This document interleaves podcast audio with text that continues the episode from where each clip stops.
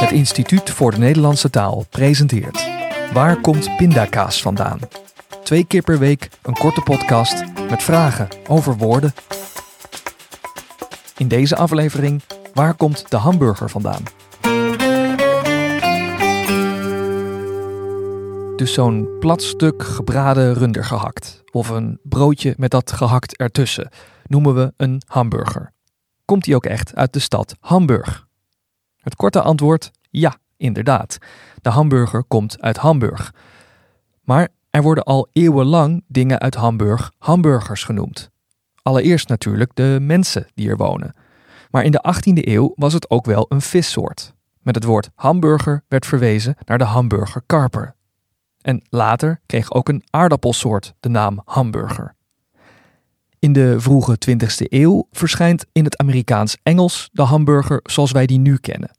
Eerst werd het woord algemener gebruikt voor allerlei vleesgerechten en uiteindelijk specifiek voor dat stuk gebraden gehakt of een broodje met dat gehakt. Dat was nadat emigranten uit Hamburg dat vleesgerecht hadden meegebracht naar Amerika, halverwege de 19e eeuw. Toen was het eerst nog bekend als Hamburg steak, daarna hamburger steak en daarna alleen nog maar als hamburger.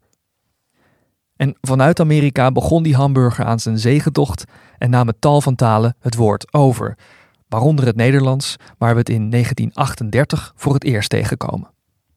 In Amerika werd het woord hamburger na verloop van tijd geïnterpreteerd als een samenstelling van de woorden ham en burger, en dat terwijl er dus helemaal geen ham in zit, maar runder gehakt.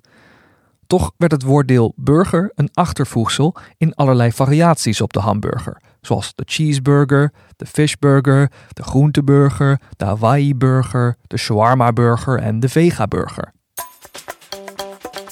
Zo is de ham uit de hamburger verdwenen, terwijl die er nooit op heeft gezeten. En is de herkomst van het woord hamburger toch echt te vinden in de Duitse stad Hamburg. Bedankt voor het luisteren. Mijn naam is Caspar Stalenhoef. Waar komt pindakaas vandaan is een podcast van het Instituut voor de Nederlandse Taal, gemaakt door Laura van Eerten en mijzelf. De muziek is van Michel van der Zande. Deze podcast is geïnspireerd op het gelijknamige boek, gemaakt in samenwerking met het genootschap Onze Taal. Wil je meer antwoorden op vragen over woorden? Bestel dan in de webwinkel van Onze Taal het boek Waar komt suikerspin vandaan? Meer over woorden vind je natuurlijk ook op de website van het Instituut voor de Nederlandse Taal, ivdnt.org.